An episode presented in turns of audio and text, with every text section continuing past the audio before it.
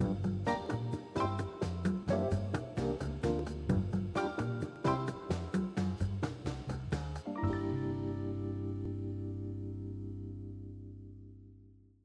Ahoy, welcome to Janosik. Today we are in Bratislava in Finax headquarters, you can see behind me. Uh, one day after P- Poland lost to Slovakia in Euro, uh, so the Slovak taught us how to how to play football, and now they will teach us how to invest. Uh, my guest today is Radoslav Kasik, co-founder and chief investment officer at, at Finax, a guy who is behind the famous algorithm of, of Finax, yeah? Uh, inteligentne inwestowanie. Ahoj, Rado. Hello, Przemek. Hi. Cześć. Uh, in the in this program, uh, we as Jan, uh, as Janosik show how to grab the market.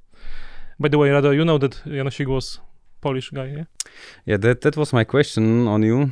Uh, what's what's the true? If if you took it or took him from us?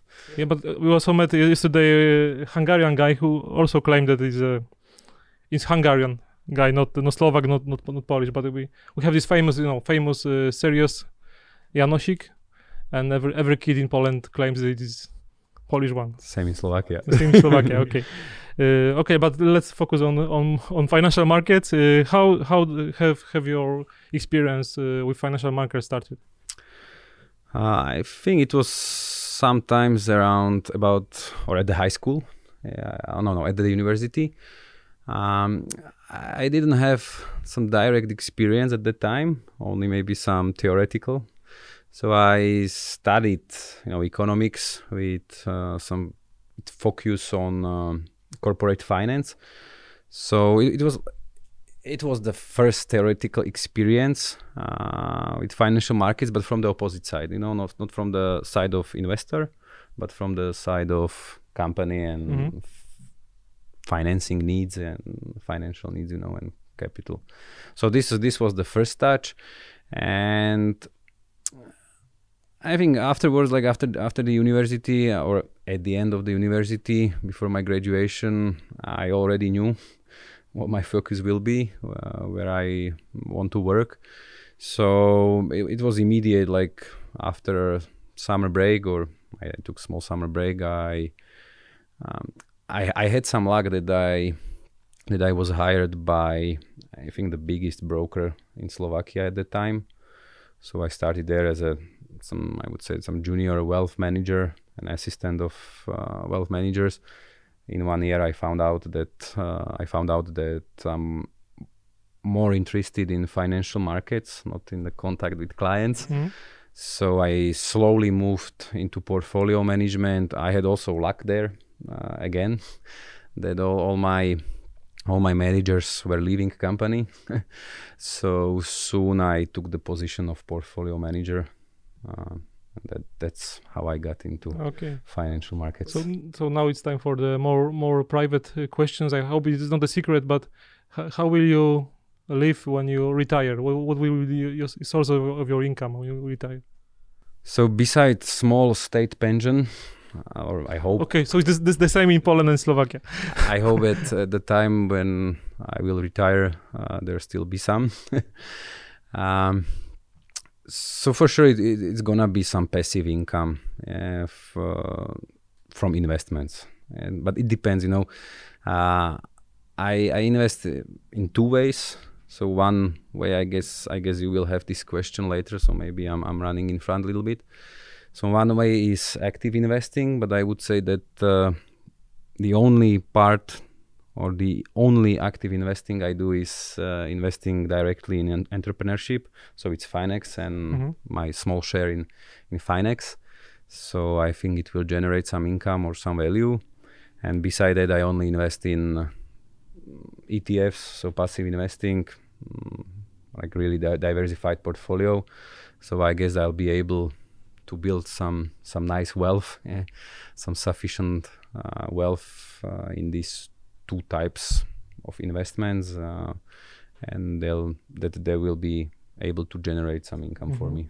So you teach people a lot about this, the, the needs for the financial reserve. So you personally, how, how how do you keep your financial reserve? How big is your financial reserve as well? Uh, depends from the time, but you know, I, I, focus or I target um, to have maybe a little bit bigger reserve than it's it's generally needed. Uh, so it, it would be or it is uh, the amount covering 12 months of my expenses. Mm-hmm. Um, most of that I keep it on saving account in, in bank, and so it's it's liquid, you know, and part of it I invest conservatively in Finax. But you know, all the time it depends on the situation of the person. Yeah, so uh, we have mortgage on the house. Uh, we have a s- small girl, small small small kid, over one and a half year old.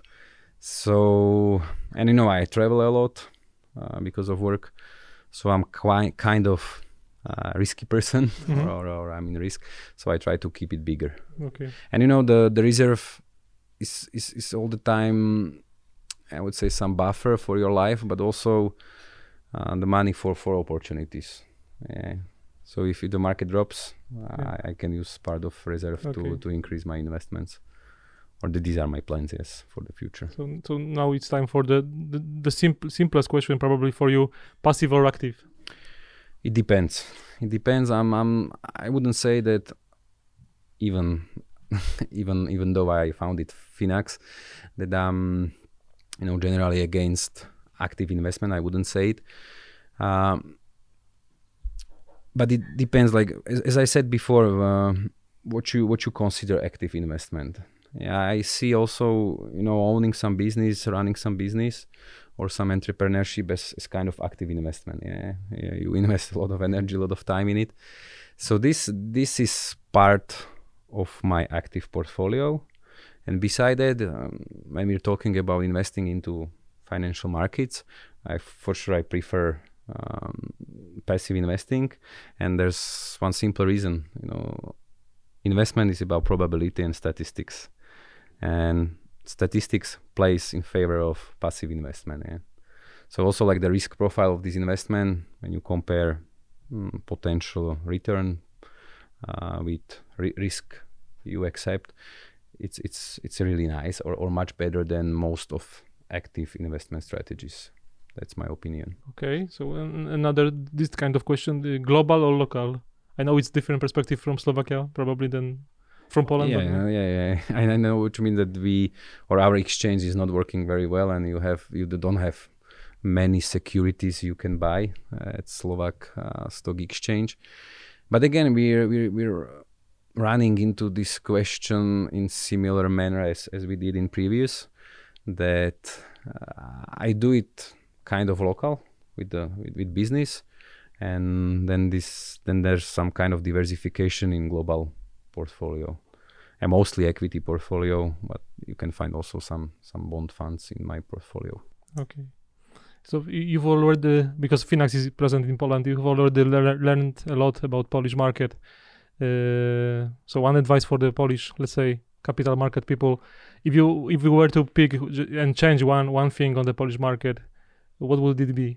Okay as far as i know or, or before before i i get to the answer yeah, I'm really surprised because uh, I would say like when you start running business in some countries or you work there um, or you live there, this is the only way how to how to know this uh, country properly. And I'm really surprised when we were expanding our business abroad. Uh, I was expecting that like the closest nation to Slovakia would be Czech mm-hmm. because you know we were one country, Czechoslovakia. We understand each other pretty well, and you know the culture is similar and everything. But I'm surprised, and it's not just because of I'm, I'm part of your of your show or series or part of Janosik. Yes, uh, I'm surprised that that, and also it's it's shown in results. Uh, we are our, our Finax uh, reaches that the Poles are the closest one, or the thinking of Poles is very similar to Slovak people. Yeah, and I really like it. That, um, for example, the idea of this of this Finax and all, all kind or all, all ideas around uh, our philosophy and business business model uh, works the best in Poland besides Slovakia. So I'm really surprised with this. And maybe some you ask about the recommendation, yes, some mm-hmm. some some yeah, advice, yes. One advice Uh, maybe try to invest more abroad. What I see like the most of investments or most of uh, savings, like invested sa- invested savings in Poland, are focused to local bonds and local equities. And I don't say it's bad, but uh, you can get more opportunities and lower risk abroad, and also resulting in higher returns.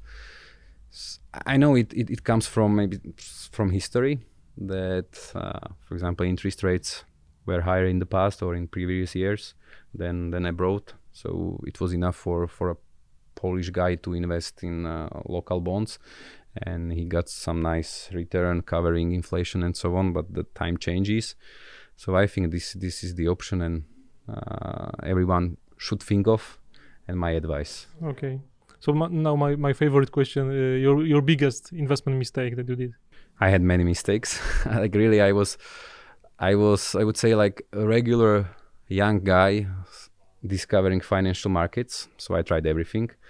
And you know, at the beginning, you think the you're the wisest one, the cleverest one, and you can do it better than 99.9% people Mhm. before you. So I tried everything. Like I started with trading, with derivatives. Um, so I, you know, I, I lost all my account value several times at the beginning. So afterwards, I, I focused more maybe on some equity investing. Like I really tried. I, I worked at biggest broker in Slovakia at that time. It was a good experience because I have um, pretty much space and also very wise people and experienced people around me. And uh, it's not so common in Slovakia that you can find a group of people who are not afraid to try new things, try new strategies.